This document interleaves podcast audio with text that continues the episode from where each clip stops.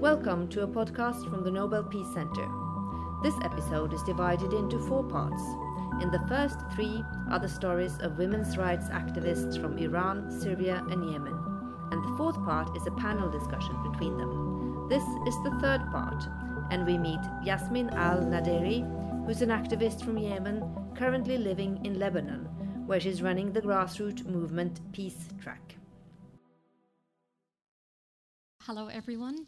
I'm Yasmin from Yemen, and I will be sharing with you today for the very first time my personal story. So, um, lately, um, every single morning, I wake up, I open my eyes, and I start to have this long conversation with myself to convince me to wake up and start my daily struggles. Sometimes I feel like I just want to give up and stay in my bed. But I can't afford it. I can't afford to rest or admitting um, to weakness. I'm a single mother, and um, I have to take care of my daughter and my parents. And um, being strong is my only option.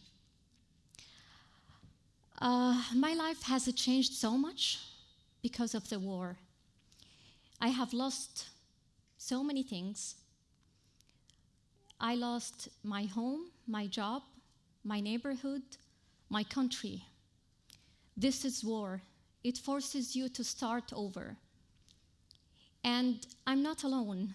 This is the situation or the case of most of the Yemenis. They have lost so much. They even lost things more than I did. Um, surviving is not only about overcoming one unfortunate incident, but it's the art of resilience, um, hope, and strong will.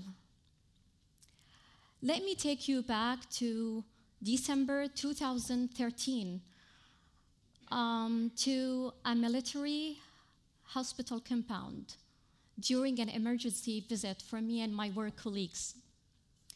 A band of terrorists attacked that hospital during my visit. And it was Al Qaeda attack.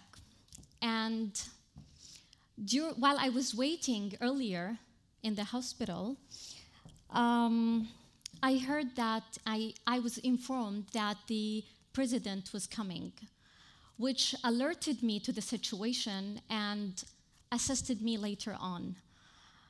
Um, this attack was targeting him, but in the line of fire, Yemenis from all walks of life were killed.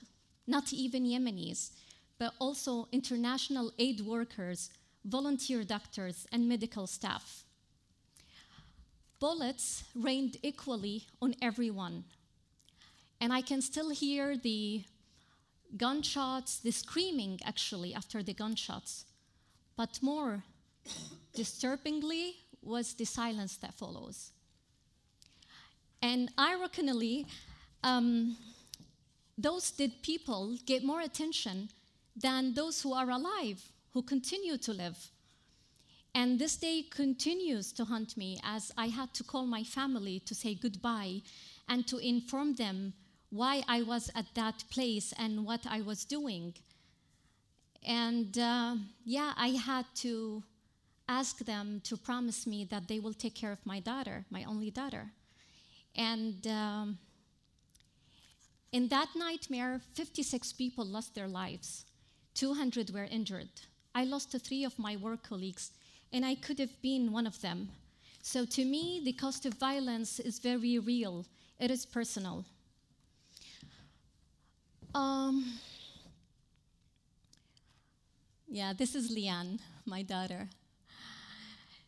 Um, this was not it. You know, after that, the worst happened. I was away abroad on a work mission when the war intensified and Sana'a airport was closed.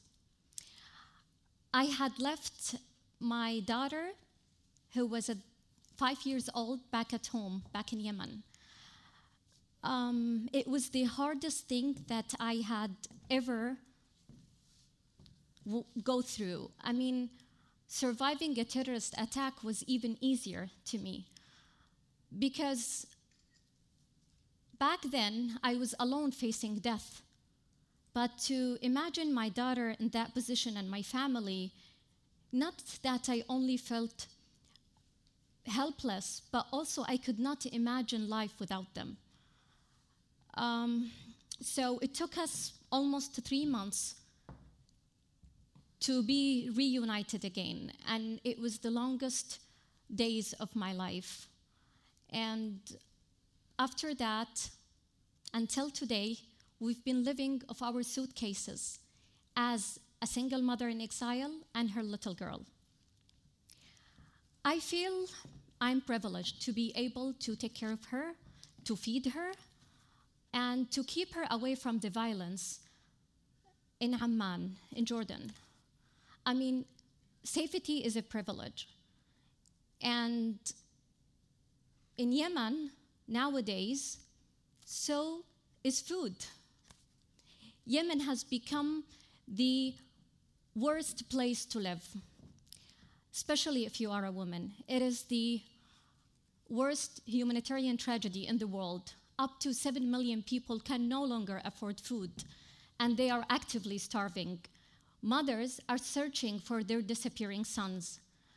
Women in besieged area are risking their lives, walking for hours just to provide food for their families. Girls who are revolting against hunger are beaten, detained, and abused. Um, um, in this case, the only thing that you could do is that we, you help whomever you can. We stand for ourselves. We've been helping each other, like really working on solidarity in order to be able to help each other. These are mothers of abductees.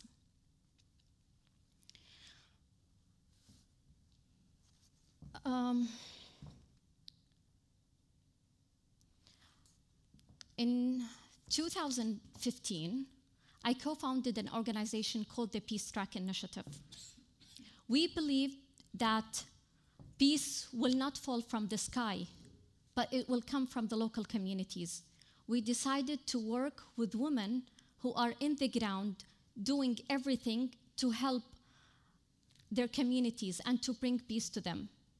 Women we are working with are contributing to resolving armed conflict disputes over uh, water and land in remote areas. They are facilitating mediation to release detainees.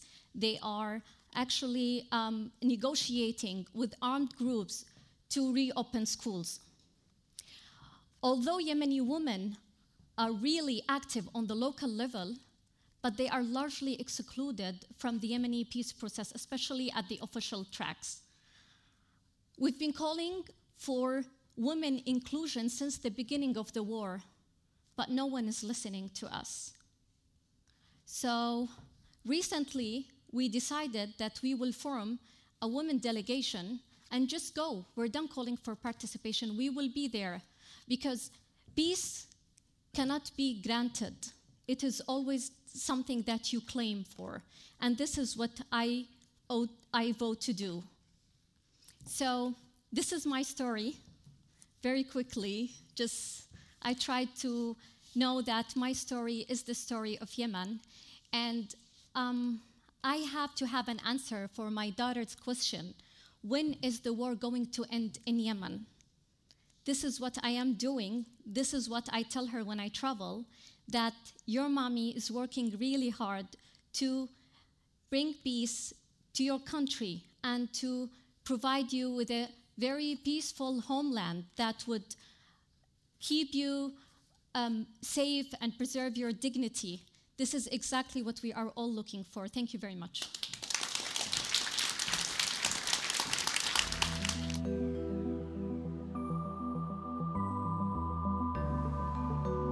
This was a podcast by the Nobel Peace Center, made in cooperation with Oslo Women's Rights Initiative and Civita.